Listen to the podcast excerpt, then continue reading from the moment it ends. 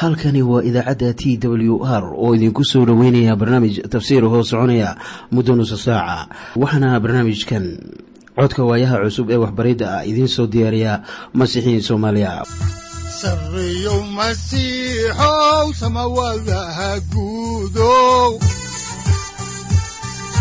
Siraadkii adduunkow subanaha eebow sareyow masiixow samawadaha guudow siraadkii adduunkow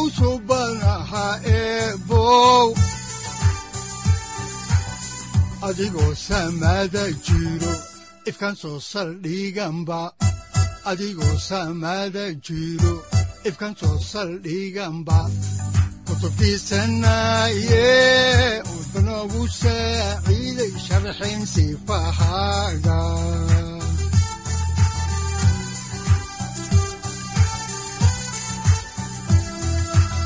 kutubtiisinayo ebanagu saaciid sharxin sifahaaga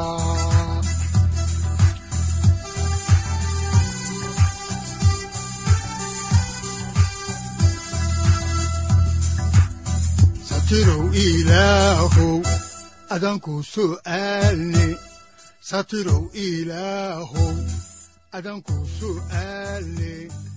horay u sii ambaqaadi doonnaa daraasaadkii la magac baxay baibalka dhammaantii waxaannu horay idiinku sii wadi doonnaa kitaabka bilowgii oo ah kitaabka koowaad ee muuse haddaba dulucda cutubka saddexaad oo aynu idiin bilaabayno ama aynu hore idinku bilowno aan idhaahdee waxa weeye sida tan soo socotaa in abeesadii diiday hadalladii ilaah in ninkii iyo naagtii ay addeeci waayeen hadalladii ilaah. Qorshaha ilaah ee mustaqbalka iyo waxbaridda furashada ama samata bixinta oo la muujiyey. Balse inta aynaan idiin bilaabin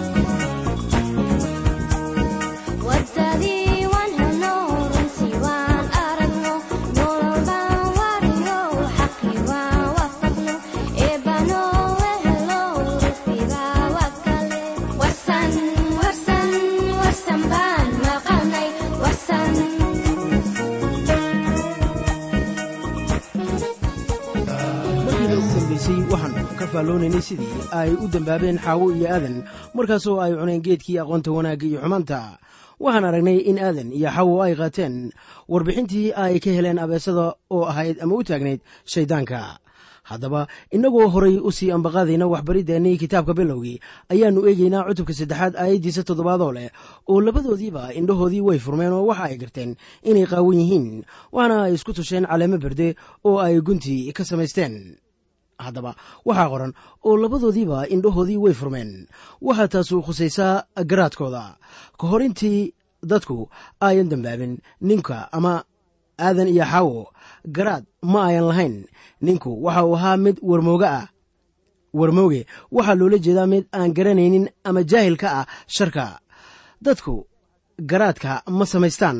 Waxaase weeye dareen mucaarada fikradaheenna khaldan oo inagu dhex nool nin caan ku ah cilmi nafsiga oo wax ka dhiga jaamacad ku taalla koonfurta california oo masiixiya ayaa ii sheegay in dareenka eedda cuqdad nafsigu ay tahay qayb ka mid a qofka bani aadanka waana qayb jirta oo muuqata sida ay u muuqato gacanta midig ee qofka bani aadanka haddaba dadku isma muugaysiin karaan ama kama takhallusi karaan dareenka eedda cuqdad nafsiga marka la eego cilmi nafsiga waxaa kaloo qoran oo waxa ay garteen in ay qaawan yihiin waxna ay isku tasheen caleemo berde oo ay gunti ka samaysteen.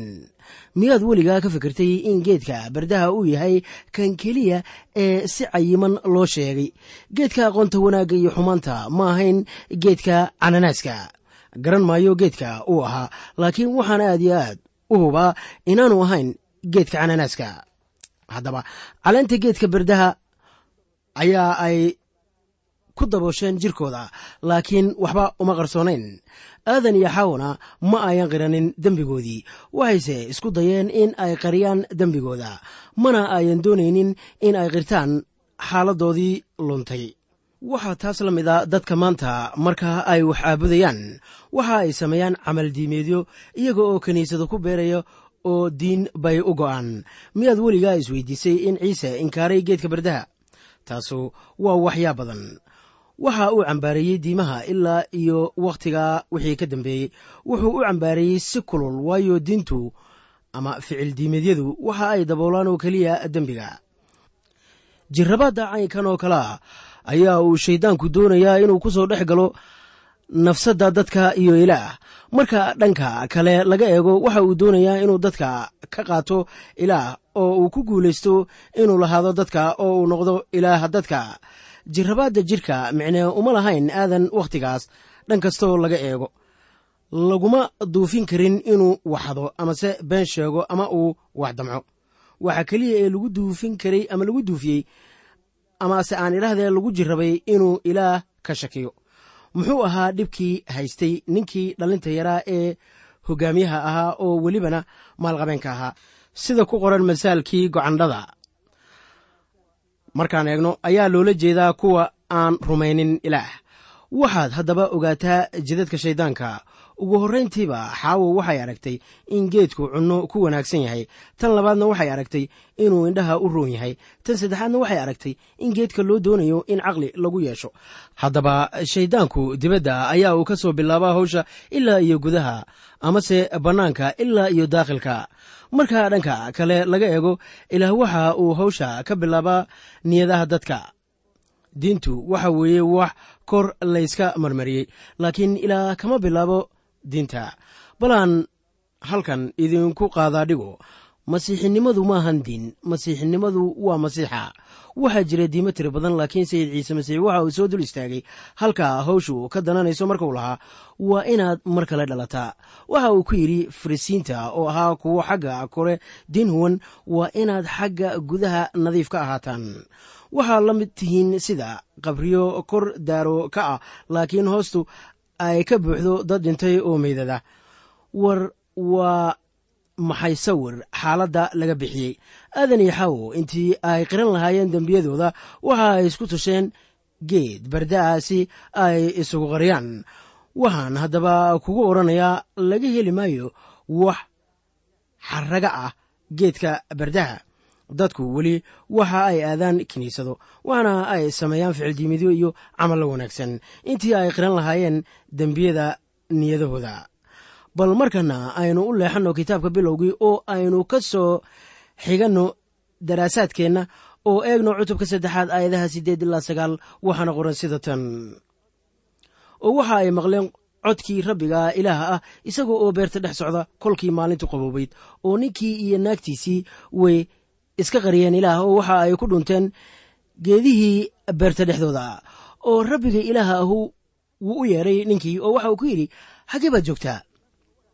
Diini waxa ay kaa fogaysaa haddaba ilaah aadanna wuu lumay. Aadan wuu lumay ilaah baana baadi goobaya. Mase ahayn aadan kii ilaah raadinayey ama baadi goobayey aynu sii akhrino kitaabka bilowgii cutubka saddexaad aayadda tobanaad ilaa iyo aayadda labaiyo tobanaad. Waxaana qoran sida tan. Isagiina wuxuu yidhi codkaagaan beerta ka dhex maqlay waanan cabsaday maxaa yeelay waan qaawanaa oo waan isqariyey. Kolkaasuu ku yidhi yaa kuu sheegay inaad qaawan tahay. Miyaad wax ka cuntay? Geedkii aan kugu amray inaadan waxba ka cunin. Ninkiina wuxuu ku yidhi naagtii aad siisay inay ila joogto ayaa geedkii wax iga siisay oo anna waan cunay waxaad ogaataa inaanay jirin qirasho ka timi dhinacii aadan.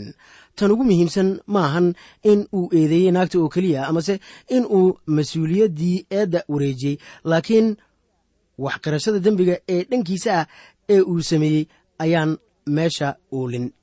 Innagoo sii ambaqaadayna kitaabka ayaa waxaa ku qoran aayadda saddex iyo tobanaad sida tan oo rabbiga ilaaha ahuna waxa uu naagtii ku yidhi waa maxay waxaaad samaysay? Naagtiina waxay tidhi abeesadaa ikhiyaanaysay oo anna waan cunay. Waxaa halkanna yaalla mas'uuliyad wareejin la mida tii aadan. Balaynu haatan wada dhegaysanno heestan soo socotaa haatanna aynu eegno maaddada ah qorshaha ilaah ee mustaqbalka. Ninka oo ahaa abuuristii ilaah sameeyey ayaa iminka ka bayray ilaah. Ilaahna waa inuu falankiisa galaa oo xukumaa isaga aynu haddaba sii ambaqaadno inaan qisada ka sii akhrino kitaabka bilowgii cutubka saddexaad aayadda afar iyo tobnaadoo leh. Oo rabbiga ilaaha ahu waxa uu abeesadii ku yidhi waxaanaad samaysay aawadeed. Waad ka habaaran tahay xoolaha oo dhan iyo dugaag kasta oo duurka jooga. Waxaanaad ku socon doontaa boggaaga ciid baanaad cuni doontaa maalmaha cimrigaaga oo dhan. Abeesadu sida xaqiiqada ah ma ayan ahayn ciddood gurguurta. Sidaan u malaynayno inay maantaba tahay abeesadu bilowgii hore way ka duwanayd sida ay maanta tahay waxaana lagu soo rogay ciqaab kaga timi xagga ilaah. Ilaah ciqaab buu dusha ka saaray shayddaanka taasoo saamayn weyn ku yeelatay ninkii. Waxaan haddaba idinku adkaynayaa inaad xifdisaan aayaddan soo socota waayo aayaddaas waa khasab inaad garataan. Aayaddan soo socota waa waxyi ku saabsan imaanshaha masiixa badbaadiyaha ah ee dunida imanaya. Waxaanaan aayaddan ka akhrinaynaa bilowgii cutubka saddexaad waana aayadda shan iyo tobanaad waxaana ay leedahay oo colaad baan idin dhex dhegi doonaa adiga iyo naagta iyo farcankaaga iyo farcankeeda oo madaxaagu burburin doonaa adiguna ciribtiisaad burburin doontaa. Waxaa qoran oo colaad baan idin dhex dhigi doonaa adiga waa shayddaanka e iyo naagta iyo farcankaaga iyo farcankeeda oo madaxaaguu burburin doonaa kaasu waa masiixa adiguna ciribtiisaad burburin doontaa. Waxaa halkan laynaga siiyey faallo cajiiba fikradda muhiimka ah maahan guusha kama dambaysta ah ee iman doonta laakiin waxa weeye halganka wakhtiga dheer soconaya. Aayaddan waxa ay inoo muujinaysaa xaqiiqda ah in haatan ay socoto ama jirto. Loolan u dhexeeya wanaagga iyo xumaanta. Loolankaas ayaad ka helaysaa ama aad ku arkaysaa qorniinka intiisa badan ee inoo dhiman. Sayid ciise ayaa sidan soo socota uga faallooday loolanka wakhtigii uu dunida ku noolaa waxaana uu yidhi sida ku qoran injiilka sida yuuxanaa u qoray cutubka siddeedaad aayadiisa afraad waxaana qoran sida tan. Idinku waxaad tihiin kuwo aabbahood ibliiska yahay oo waxaad doonaysaan inaad samaysaan damacyada aabbihiin tan iyo bilowgii waxa uu ahaa mid dhiiqaba runtana kama uu joogsan ama runtana kuma uu joogsan waayo runta kuma jirto isaga markuu been ku hadlo tiisuu ku hadlaa waayo waa beenaale waana beenta aabbaheed haddaba ka shar kale waxaa loola jeedaa shayddaanka haddaba sayid ciise masiix waxa uu kala qaadaa dhigay farqiga u dhexeeya carruurtii ilaah iyo carruurta ka shar kale. Yooxanaa ayaa mar kale qoray. Wax ku saabsan khilaafka sida ku qoran warqaddii koowaad ee yooxanaa cutubka saddexaad aayadda tobnaad. Waxaana qoran sida tan. Tan ayay carruurta ilaah iyo carruurta ibliisku ku kala muuqdaan ku alla kii aan xaqnimo falin ma aha kan ilaah oo waxaa la mid a kan aan walaalkiis jeclayn. Markaana waxaa hortayada aynu ku arkaynaa in uu jiro khilaaf waana loolan waxaana dunida jooga laba abuur. Waxaa haddaba iman doona guul kama dambays ah laakiin waa muhiim in la garto loolanka soconaya wakhtiga dheer. Qof waliba waxaa ka hor imanaya jirrabaad waana in uu ku guulaysto dagaalka horyaal ka hor intaanu masiixu iman guusha waxaa lagu gaari doonaa ama lagu gaari jiray addeecis rumaysad leh. Kadib markii masiixu yimid waa in laynagu gartaa masiixa inagoo rumaysad leh. Maxay haddaba ka dhigan tahay in la badbaado? Waxay ka dhigan tahay ama ay ka macno tahay in masiixa lagu jiro? Ninku waxa uu ka mid yahay saddexda amaradood ee caabudista oo kale ah malaa'igta dadka iyo xayawaanka xayawaanka lama siinin garaad ay wax ku kala gartaan ama ku kala doortaan laakiin dadka iyo malaa'igaha waxa ay leeyihiin garaad ay wax ku kala doortaan. Waxaad adiguba leedahay doorashadii aadan la siiyey. Ninku waxa uu gaaraa go'aamo isagaana mas'uul ka noqda go'aammada uu gaaro. Waxaad ogaataa in la yidhi faraceeda laakiin lama odhan faraciisa. Halkan ayaannu ku haysannaa tusmada ah in masiixu ka dhalan doonay bikrad markii ilaah aaday beerta isagoo ninka daydayaya ayaa uu ku yidhi war halkee baad joogtaa? Qiso diimeed waliba. Waxa ay ka hadlaysaa baadigoobka dadka ilaah baadigoobayo ama baadigoobka dadku ay ilaah baadigoobaan saaxiib taasu ma ahan jidka ilaah inoo sheegay. Aynu haddaba u sheegno sida ay tahay. Waxaana weeye in nabaadiinadu tahay baadigoob ilaah baadigoobayo dadka ninkii ilaah buu ka cararay. Ilaahna wuu u yeeray isagoo leh. Halkee baad joogtaa dr griffin thomas? Ayaa mar uu ka hadlayey arrinka ku qoray buuggiisa la yidhaahdo bilowgii. Waa faallo cibaadaysi ah faalladan. Waxa weeye baaq wata cadaalad rabbaani ah oo aan sinaba u cafiyi karin dembiga. Waa baaq ama u yeeris rabbaaniyeed oo murugo leh taasoo ka qoomamoota dembiilaha. Waa baaq ama u yeeris jacayl rabbaani ah oo keena madax furashada dembiga. Haddaba waxaannu ka helaynaa waxyaabahaas oo dhan aayaddan ina hor taalla. Waa ballanka imaanshaha badbaadiyaha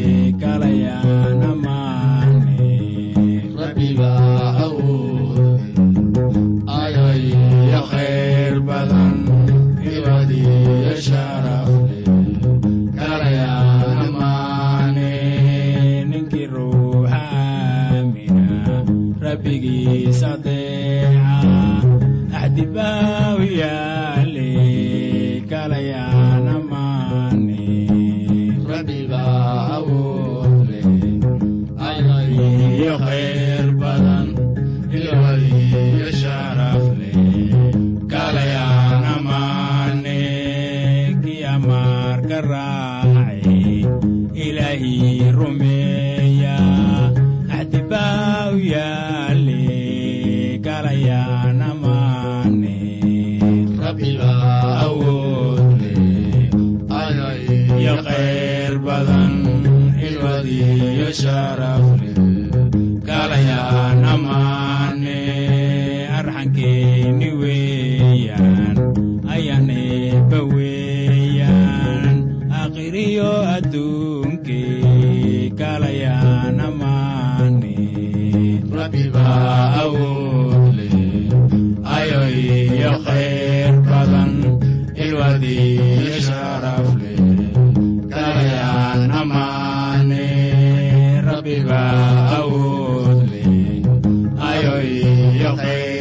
aadan waxaa laga helaa meel kasta oo qorriinka ah.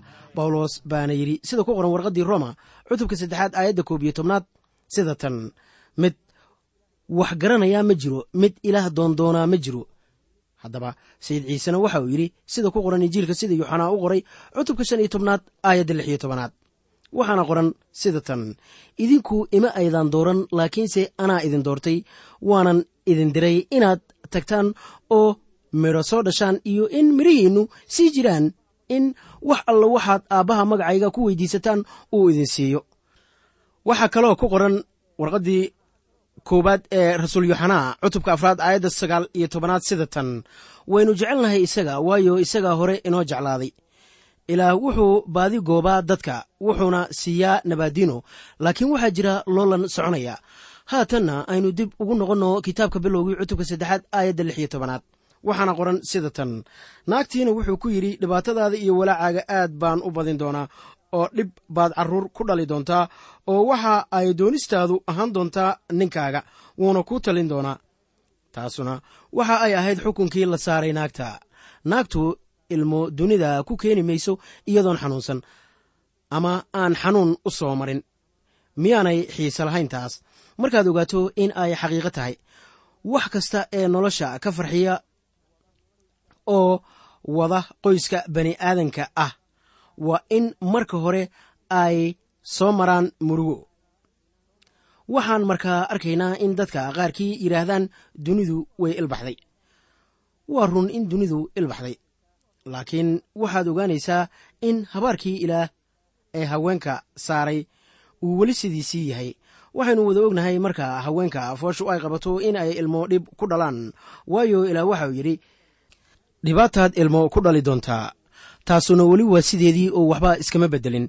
Waxaa kaloo ilaah ku leeyahay naagta oo waxa ay doonistaadu ahaan doontaa ninkaaga wuuna kuu talin doonaa. Waxaynu dhammaanteen wada garanaynaa in weli habluhu ay hoos joogaan ragga iyaga qaba. Taasuna waa tan ugu wanaagsan. Haddii habluhu ka hoos baxaan ragga waxaa guriga imanaya dhib iyo rafaad. Waxaana taas ugu wacan tahay ama taas keenay habaarkii naagta la habaaray bilowgii innaga oo dhan waa in aynu maanka ku haynaa inaanay jirin meel looga baxsado habaarka ilaah. Waxaan garanaynaa in xaawo ilaa ku dambaabtay. Dembigii ay gashay aawgii ayaana ilaah dhib weyn faraqa u saaray. Oo waxaa khasab ku noqday in ay had iyo goorba raadiso wixii ninkeedu doonayo. Ha yeeshee dunidii way ilbaxday oo hablo fara badan. Ayaa waxa ay doonayaan in ay raadiyaan xorriyadda qoyska taasoo ay ku doonayaan in go'aammada reerka wax laga siiyo oo aanay noqon wax ragga uun gaar u ah. Taasna waynu wada garanaynaa oo waa wixii loogu yeeri jiray beryihii kacaanka xeerka qoyska. Haddii taas la yeelo waxaa hubaala in wax isbeddelayaan waayo ilaa waxa uu leeyahay doonistaadu ninkaaga ayay noqon doontaa wuuna kuu talin doonaa. Waxaad mooddaa inaan soo gaarnay haddaba gabagabada barnaamijkeenna. Intii aynan hawada ku kala bixin bal aynu wada dhegaysanno khasaa'id ay inoogu luuqeeyaan culimmo soomaaliya oo masiixiyiina Riyaha,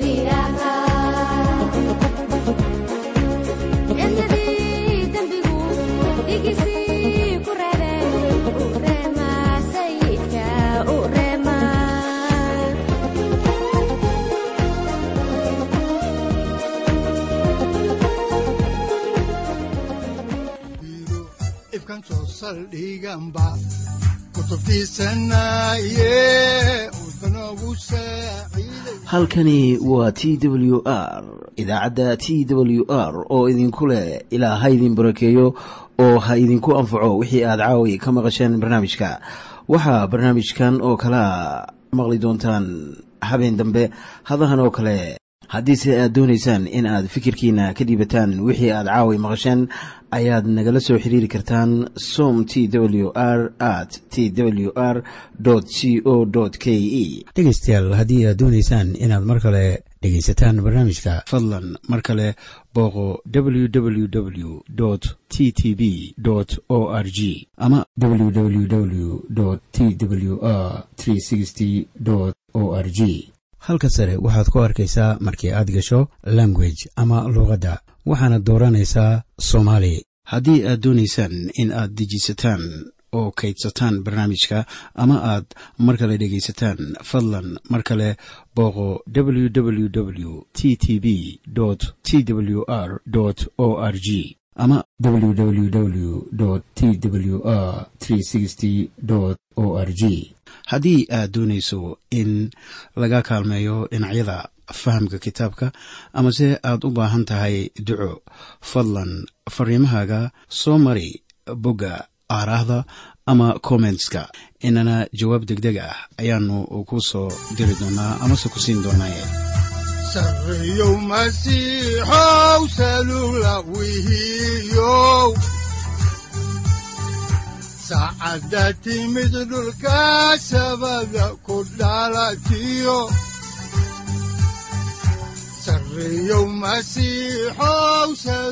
halkani waa t w r oo idiin rajaynaya habeen baraare iyo barwaaqaba leh inta aynu ka gaari doono wakhti aynu ku kulanno barnaamij la mida kan caawayay aad maqasheen. Waxa aan idinku leeyahay nabadda ciise masiix ha idinku badato xagga jirka iyo ruuxaba aamiin